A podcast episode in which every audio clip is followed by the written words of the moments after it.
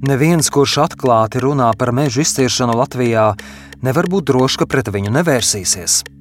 Tā skolotāja ārkārtīgi satraucās. Eh, protams, mēs piedraudējām, ka mēs iesim pie direktora. Aizvadīto gadu laikā ar agresīvu un dusmīgu attieksmi no mežsaimniecības industrijas ir saskāries arī teātris režisors. Kādu cilvēku šie vārdi mēs pārtrauksim meža izciršanu, viņi aizvainoja bet dabas aizstāvjus, kuri iestājās par ilgspējīgu mežu apsaimniekošanu, pratināja drošības policija. Man tā bija nu, kaut kāda stunda, divas sarunas.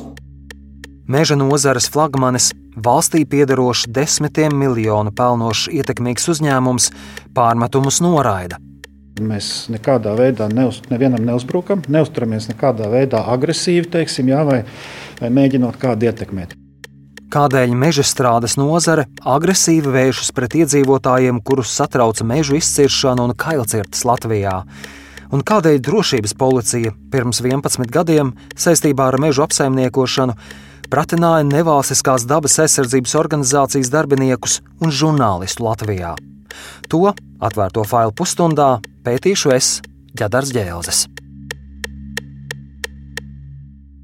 Pirmā daļa Iesim pie direktora.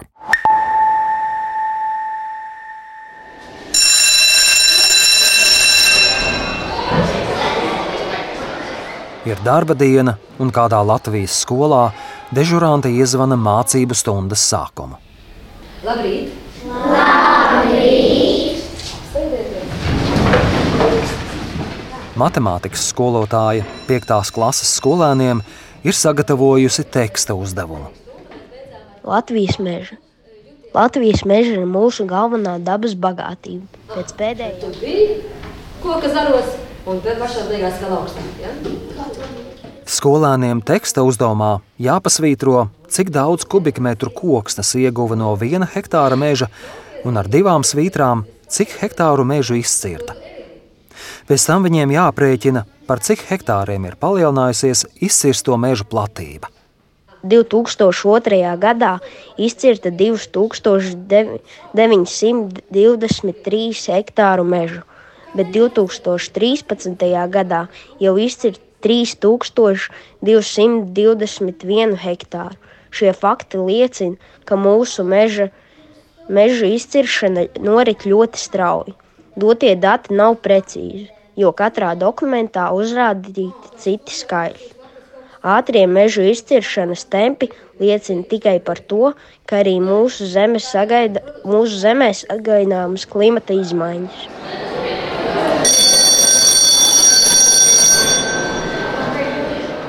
Matemātikas uzdevumu risināja ne tikai pamatskolas skolēni. Tas ieintriģēja arī Latvijas Valsts mežzinātnes institūta Silava direktoru Jurģi Jansonu. Kā izskatās mežs 5. Eh, klases eh, matemātikas līmenī? Šo tekstu gan izlasiet, un, eh, ja jums izdodas saglabāt, tad mēs varam nedaudz padomāt par to. Tā Jurģis Jansons, kurš tolaik bija arī valstī piedarošā uzņēmuma Latvijas valsts meža padomas priekšsēdētājs, pirms nepilniem diviem gadiem sacīja meža nozares konferencē. Mēs jautājām 5. klases matemātikas skolotājai, kur viņi ir šo dabūjusi. Šo tekstu, vai tas ir uh, Latvijas izglītības sistēmā radies, jeb tas nāk no, no, no kā sacīt, jāsaka, mākoņiem. Jurģis Jansons, mežsaimniecības konferences dalībniekiem, video uzstāšanās laikā arī parādīja šo matemātikas uzdevumu. Tā skolotāja ārkārtīgi satraucās. Eh, protams, mēs piedraudējām, ka mēs iesim pie direktora par to, ka bērniem mācīja, Eh, ka mūsu meža izciršana notiek ļoti strauji. Un tā tālāk. Un kāpēc tas ir jāmācās matemātikā, un vai tā, tas beigsies ar to, ka bērniem mācīs, cik, cik gados Latvijā mežu vairs nebūs. Kādēļ Zinātniska institūta vadītājs un padomas priekšsēdētājs ļoti ietekmīgam uzņēmumam, kas apsaimnieko pusi no valstī piedarošiem mežiem, šādi piedraud pamatskolas skolotājai? Zvanu Jurģim Jansonam, lai sarunātu interviju. Jūras Jāsons, Iekolfus. Šeit jums zvana žurnālists Ģedars Ģēls no Latvijas radio. Es stāstu, ka gribu viņu iztaujāt par agresīvo attieksmi pret skolotāju. Jā, bet tas ir jums kaut kāds tagad, tas, nu, ma maksas kaut kāds raidījums, vai, vai kāpēc jūs man zvaniet tā? Es viņam izskaidroju, ka sabiedriskais mēdījis ir neatkarīgs un ka šo raidījumu veidoju pēc savas iniciatīvas. Bet Jurģis Jansons saka, ka atbildēs tikai rakstiski. Man nav, man nav tāda pārliecība, ka jūs tur nesakraizīsiet un neieliksiet kaut kādas citas biznesmeņas pa vidu tur no otras puses. Ar biznesmeņiem viņš domā dabas aizsardzības organizācijas, bet agresiju pret skolotāju viņš noliedz. Skolotājs nevis esmu, kā jūs tur teicāt, draudējis, bet es esmu simtiem, simtiem skolotāju bez jebkādas atlīdzības stāstījis, kas ir mežs un mežsaimniecība Latvijā un ko dara zinātnieki. Tā kā draudējis es neesmu, un galvenais nemēģina man, nemēģina man draudēt tagad, jā? Ja? Paldies! Jansons nomet klausuli, tomēr vēlāk e-pastā man atsūta atbildes uz jautājumiem. Viņš cenšas apgalvot, ka ir noticis pārpratums un ka es esmu nepareizi uztvērs viņa teikto. Jurģis Jansons esot lietojis vārdu draudi pānestā nozīmē jeb pēdiņās taču video uzstāšanās laikā viņš nekādas pēdiņas ar žestiem neparādīja. Runātājs, atšķirībā no rakstītāja, jau pēdiņas nevar norādīt. Protams, arī mani draudi simpātiskajai matemātikas skolotājai ar iešanu pie priekšniecības. Nu, normālā sabiedrībā tie tiktu uztvērti ne vairāk kā skolotājas izaugsmas iespēja. Jansons arī apgalvo, ka ar skolotāju visas nesaskaņas esot nogludinātas. Ar skolotāju esam tikušies un sapratām, ka šis bērniem iedotais uzdevums nav metodiska mācību viela, kas novadīta no augšas, par ko baidījos visvairāk. Bet skolotājs sameklēts internetā, klejojas piemērs, diemžēl ar nepareizu informāciju un uz tās it kā balstītu visai tendenciozu vēstījumu. Skolotāji, protams, saprata un apņēmās šo piemēru vairs neizmantot. Par to viņai liels paldies! Kurai skolotājai Jurģis Jansons piedraudēja, man nav zināms bet man izdevās sazināties ar to skolotāju, kura ir autore matemātikas uzdevumam. Viņa lūdza mani neatklāt savu vārdu, un viņas teikto ierunāja mana kolēģe. Tos uzdevumus taisīja speciāliem bērniem, ar garīgās attīstības traucējumiem tie bērni ir. Astotajai klasē es taisīju tos uzdevumus. Skolotāja, kas ir jau sasniegusi pensijas vecumu, stāsta, ka teksta uzdevumā iekļautie fakti šiem bērniem neko neizsaka.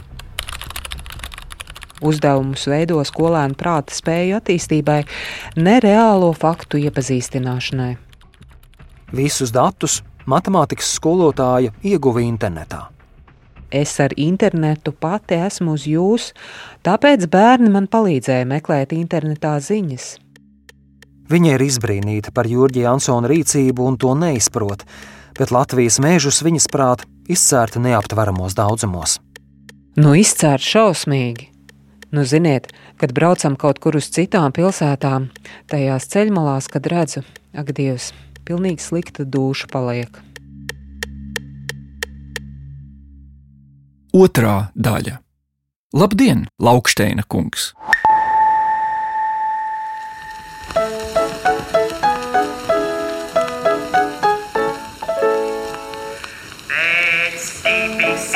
Gadiem, to ticēt variet jūs. 2018. gada septembrī Liepājas teātrī uzved izrādi Liepāja Latvijas galvaspilsēta.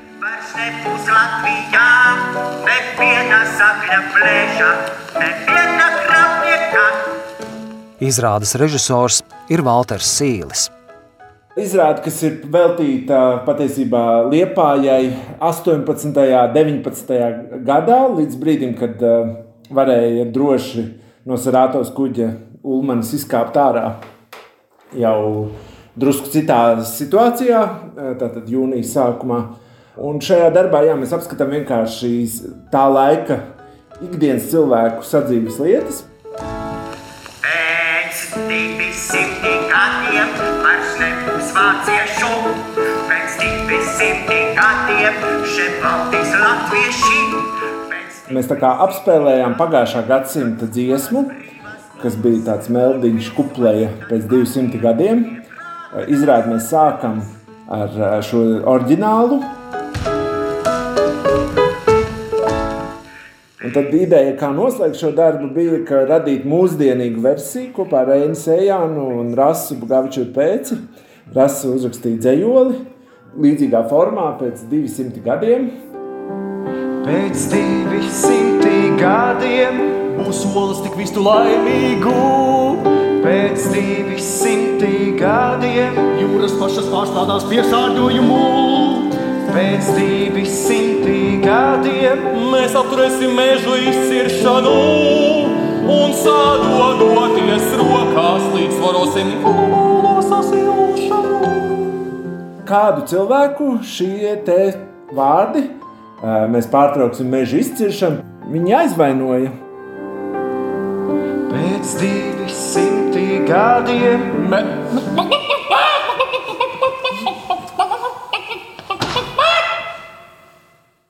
Labdien, Lauksteina kungs!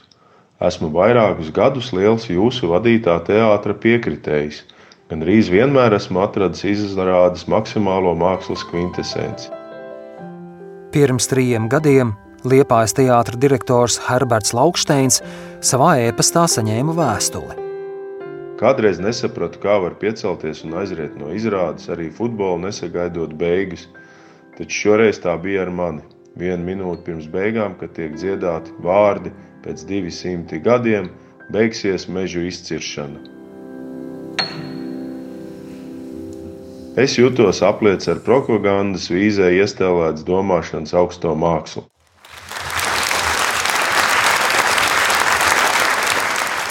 Latvijā nenotiek meža izciršana, par ko Gatim Malikam bija jāizkliedz dziesma, bet notiek meža apsaimniekošana. Pēc ražas novākšanas Meži tiek atjaunot un ļoti liela daļa ar cilvēku roku darbu stādot.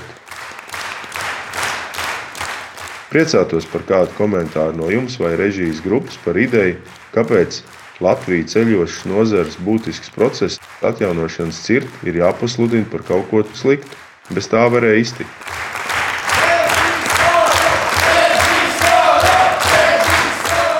Valters Sīlis stāsta, ka sūdzības vēstule pēc tam nonāca pie viņa. Vēstulē bija kāds zīmīgs teikums. No mežkopiem nāk algas cilvēkiem un nodokļi medicīnai, izglītībai, kultūrai, arī liepais teātrim. un, eh, un tā kā tāda uzmanība, hei, runā, nespļauj akā, no kuras dzer, ir eh, noteikti izskan. Vēstules autors parakstījās šādi. Ar cieņu Valdis Kalns, 30 hektāru meža īpašnieks Kuldīgas novadā.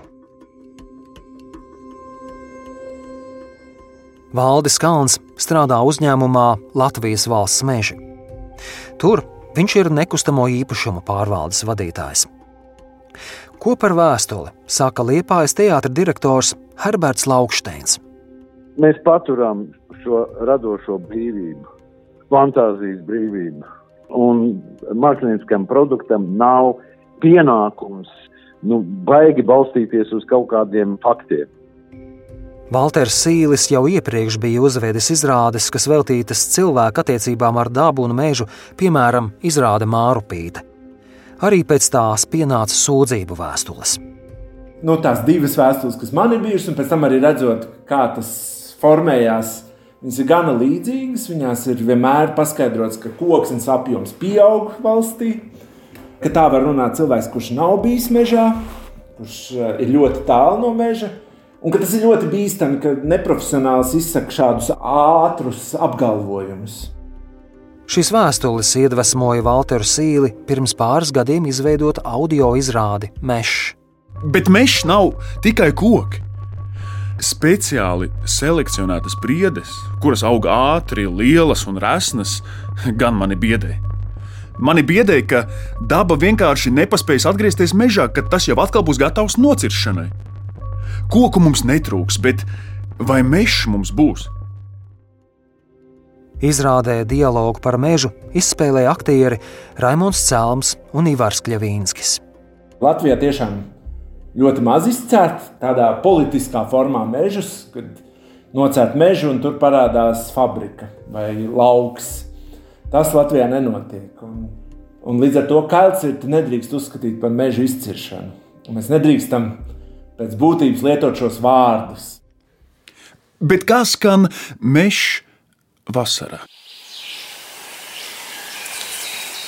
Sīlis stāsta, ka publiskajā telpā un masu medijos vārdus par mežu izciršanu un kailcirtēm cenšas ļoti kontrolēt. Cilvēkiem mēģina uzspiest meža saimnieku lietotos terminus. Meža industrijā tā ir interesanta lieta, ka gan viena, gan otra sev dēvē par zaļiem. Mēs ļoti labi varam redzēt to naudu, kur var nopelnīt mežu, valsts meža, kādu naudu viņi iegūst, kas ir diezgan liels tas domas veidotājs sabiedriskās. Un kā tas skan pavasarī? Agrā maija beigu rītā.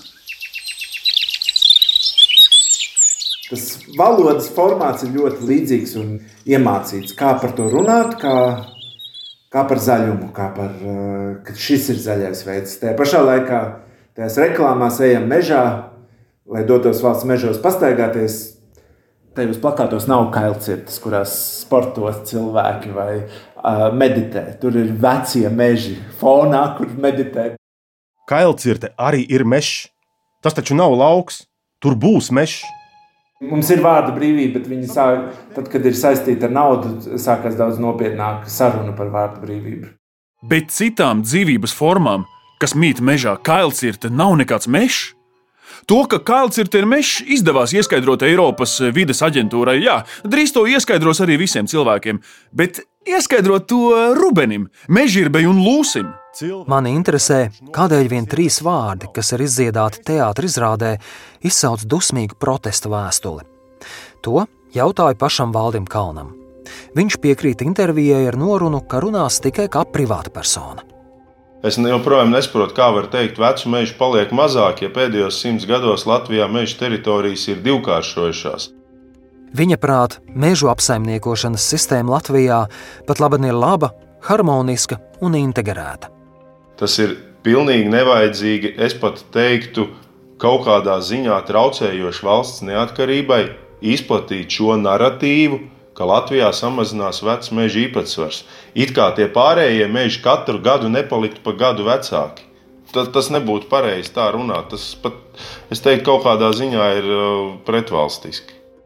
Pretvalstiski, kādā ziņā varbūt tas apdraud valstiskumu, kur ir tā bīstamība tajā, ka ir veidojis šāds narratīvs, šāda runa.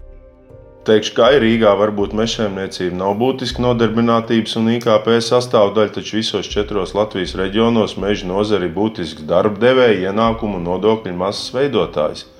Un klimata neitrāla un neatkarīga enerģija būs no koksnes, nevis no gāzes. Intervijas laikā manu, ka Valdis Kalns ir ļoti izmanīgs runātājs un valodā lieto izmeklētus vārdus. Brīžiem man pat rodas iespējas, ka viņš tik nekļūdīgi izsakās, it kā lasītu jau iepriekš rūpīgi sagatavotas un pārdomātas atbildes. Klau, es gribēju pavaicāt, vai Latvijas valsts meža darbvieta, viņi zina, ka jūs ar mani runājat šodien, vai jūs saskaņojāt to vai nesaskaņojāt ar viņiem? Es esmu informējis par to. Valda Kalna sieva, Inga Kalna, ir uzņēmuma Latvijas valsts meža sabiedrisko attiecību vadītāja. Trešā daļa - zaļa maldināšana. Ķersimies pie apbalvošanas. Pirmā, pirmā kategorija, kurā mēs gribētu uh, apbalvot, ir zaļākā zīmola kategorija. Kopš 2016. gada Latvijā apbalvo uzņēmumus ar zaļāko zīmolu. Pēdējo četru gadu laikā ik reizi par zaļāko ir atzīts Latvijas valsts meži. Turklāt pēdējo pāris gadu laikā uzņēmums ir ieguvis arī balvu cilvēcīgākais.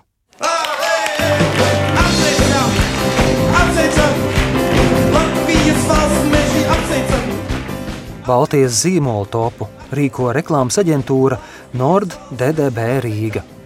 Es jautāju tās vadītājam Andrim Rubīnam, kas nosaka to, ka uzņēmums ir cilvēcīgākais vai arī zaļākais. Uzreiz ir jāsaka, ka tas zaļāko zīmolu tops būtībā nozīmē cilvēku priekšstatu par to, cik šie uzņēmumi ir vai nav vidē draudzīgi. Rubīns stāsta, ka tas ir tautas balsojums. Tātad zaļākajam zīmolam nav sakara ar to, vai uzņēmums ir vidē draudzīgs. Tas, kuri uzņēmumi tiek zīmola topā, ir atkarīgs no investīcijām, mārketingā un reklāmā. Cik daudz Latvijas valsts meži gadu iegulda reklāmā, sabiedriskajās attiecībās un mārketingā, uzņēmuma sabiedrisko attiecību vadītāja Inga Kalna man neatklāja. Latvijas valsts meži pagājušajā gadā nopelnīja 130 miljonus eiro, apmēram par 54 miljoniem vairāk nekā gadu iepriekš. Pērn Latvijas valsts meži kultūrai, sportam un vairākām citām jomām atvēlēja apmēram 3 miljonus eiro. Uzņēmumam ir arī reklāmas un sadarbības līguma ar lielākajiem ziņu portāliem, laikrakstiem, kā arī radio un televīzijas kanāliem Latvijā. Tikmēr naudu masu mēdījiem dāvinājuma formā Latvijas valsts meža atvēl caur Meža attīstības fondu. To uztur Zemkopības ministrija. Lai atspoguļotu meža tematiku, ik gadu Latvijas mēdī saņem vidēji ap 200 tūkstošiem eiro. Aizvadīto gadu laikā simtiem tūkstošiem eiro Latvijas valsts meža caur fondu maksā arī Jurģa Jansona vadītajam Latvijas valsts mežzinātnes institūtam Silava. Viesturs ķerus ir Latvijas ornitoloģijas biedrības vadītājs. Tas uh, lielais vēstījums, ko visu laiku mēģina pārdot valsts meži uh, un saistīt arī visi pārējie, ne tikai zemkopības ministrija un silava, tur tas tīkls ir, ir daudz lielāks, ir, ka Latvijas meži šobrīd tiek apsaimniekot ilgspējīgi. Čērus stāsta, ka iedzīvotājiem cenšas izplatīt vienkāršotu skatījumu uz mežu. Piemēram, ka meža platība šodien ir lielāka nekā pirms simts gadiem, un ka mežus varētu apsaimniekot vēl intensīvāk. Ja domā par vārdu nozīmi, tad nu, ir acīm redzama tā nu, zaļmaldināšana, ja tā var teikt. Jo pēc definīcijas ilgspējīga meža apsaimniekošana nozīmētu to, ka tā kā tu esi darījis līdz šim, tā tu vari darīt turpmāk eh, līdz nenoteiktai nākotnē. Tas nozīmē, ka, ja meži tiešām tiek apsaimniekot ilgspējīgi, tad nebūtu nekāda pamata neko mainīt. Labdien! Jā, Edvīns Zakovits. Priecājos. Uzņēmumā Latvijas valsts meža satieku valdes locekli Edvīnu Zakovicu. Es viņam jautāju, vai uzņēmums caur noslēgtajiem sadarbības un reklāmas līgumiem, piemēram, masu medijos, agresīvi izmanto savu ietekmi, lai panāktu sev vēlamus vēstījumus Latvijas sabiedrībā. Attiecībā uz, uz agresivitāti, tad Latvijas valsts meža arī ētikā ir tas, ka mēs nekādā veidā neuz, nevienam neuzbrukam, neuzturamies nekādā veidā agresīvi, teiksim, jā, vai, vai mēģinot kādu ietekmēt. Bet kā tad ar Meža zinātnes institūta Silava vadītāja Jurģa Jansona rīcību meža nozares konferencē, kurā viņš piedraudēja skolotājai? Es viņam atgādinu, ka tolaik Jansons bija arī Latvijas valsts meža padomas priekšsādātājs. Nu, pirmkārt, man ir ļoti grūti vai pat neiespējami nokomentēt šo dialogu, ko jūs minējāt. Es neesmu šajā konferencē bijis klāt, bet es mēģināju sameklēt šo matemātikas uzdevumu. Teiksim, ja? Manuprāt, būtu ļoti labi, ja mēs jauno paudzi, teiksim, gan skolotājus, gan studentus, gan sabiedrībā kopumā, tomēr runājot par profesionālām lietām, lietotu tādu daudz precīzāku terminoloģiju. Edvīns Zakovits stāsta, ka mežsaimniecībā praktiski visi nocirstie meži tiek atjaunoti. Arī pārmetumus par to, ka uzņēmums nodarbojas ar zaļmaldināšanu, viņš noraida. Ja teiksim, valsts izveidotā meža resursu monitoringa sistēma, statistika, teiksim, datu bāzes, ja, mums rāda vienu un to pašu apjomu. Teiksim, ja. tad, tad šeit ir jāsaliek, no kurienes šī informācija, kur ir šī zaļa maldināšana. Meža resursu monitoringu veica Jurģa Jansona vadītais Meža zinātnes institūts Silava. Tas nozīmē, ka valsts ir uzticējusi institūtam novērot un analizēt to, kā mainās meža platības Latvijā un mežos esošā bioloģiskā daudzveidība. Edvīns Zakovits stāsta, ka jebkādām aizdomām par Latvijas valsts mežu ietekmi uz silava zinātniskajiem pētījumiem nav pamata. Neatkarīgi arī šobrīd, kad Jansona kungs teiksim, nav vairs padomē, šīs attiecības stingri uz līgumiskiem pamatiem mēs arī turpinām, teiksim, tur, kur mums nepieciešama pētījuma. Tātad Silava ir neatkarīgs institūts. Tieši tā, tieši tā. Tomēr mežsaimniecības nozares lielo neoficiālo ietekmi atklāja notikumi pirms 11 gadiem. On today's program, Latvijas Pulp Fiction. 2011. gada februārī Katarā bāzētā starptautiskā raidsabiedrība Alžīra pārraidīja britu žurnālista Glena Elisa pētnieciskās žurnālistikas raidījumu par meža strādi Latvijā. Viņš stāstīja, ka pēc dziļās ekonomiskās krīzes mūsu valstī intensīvi izzāģē mežus, lai koks neeksportētu uz ārvalstīm, it īpaši Lielbritāniju. Es sazinājos ar Glenu Elisu. Mani ieinteresēja šis temats, jo Lielbritānija no Latvijas importē daudz koku materiālus. Vismaz tolaik tas tā bija. Es nezinu, kādi skaitļi ir šodien.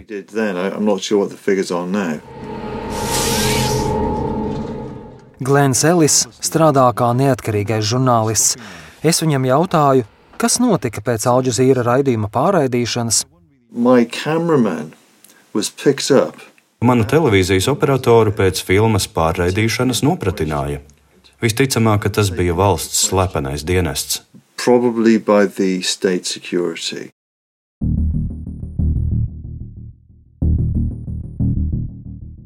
Glēns Ellis noalgoja vietējo televīzijas operatoru no Latvijas. Man ir zināms, ka drošības policijas izmeklētājs iztaujāja žurnālistu tieši par Alžīra raidījumu. Drošības policija izprašņāja arī Pasaules dabas fonda Latvijā pašreizējo direktoru Jāni Rozīti. Man tā bija nu, kaut kāda stundu, divas sarunas, kur tiešām es centos argumentēt, kāds ir Pasaules dabas fonda redzējums par meža apsaimniekošanu, kur ir trūkumi, kur ir nesaskaņas viedokļos starp Pasaules dabas fondu, piemēram, un jā, dažādiem nozares apgalvojumiem vai, vai apsaimniekošanas praksi. Jānim Rozītim tolaik arī nekļuva skaidrs, kādēļ viņu un vienu no kolēģiem iztaujā. Normāli pasaulē es domāju, ka diezin vai Zviedrijā drošības policija izmeklē Zviedrijas dabas nevalstisko organizāciju kaut kādu redzējumu par to, ka vajadzētu no, nu, kaut kā savādāk pārvaldīt mežu. Kādēļ drošības policija tā rīkojās? To jautāju tagadējam valsts drošības dienestam. Es saņēmu šādu atbildi. Informējam, ka jūsu minētajā sižetā atspoguļotā informācija 2011. gadā bija nonākusi dienesta, tolaik drošības policijas redzeslokā. Un informācijas pārbaudes nolūkā dienests veica pārunas ar atsevišķām iesaistītajām personām. Konkrētajā gadījumā dienests neveica krimināla procesuālās darbības. No plašākiem komentāriem valsts drošības dienests atturēsies. Interesanti, ka dažas dienas pēc Alžīra raidījuma 2011. gada februārī izdevumā Zemgales ziņas trīs meža fakultātes pasniedzēji no Latvijas Lauksaimniecības Universitātes filmu nosauca par provokāciju un konkurentu pasūtījumu. Latvijas Lauksaimniecības Universitāte saņem dāsnus ziedojumus no Latvijas valsts mežiem. Jautāju par to laiku Edvīnam Zakovicam drošības policija Latvijas valsts mežiem neatskaitās. Tas ir pastāvīgs veidojums, kas rūpēs par valsts drošību. Es nevaru nokomentēt viņu rīcības. Mums ar to nekāda saistība nav bijusi. Raidījumu veidoja Džadars Džēlzes, Filips Lastovskis un Reinis Budze. Atvērtie faili!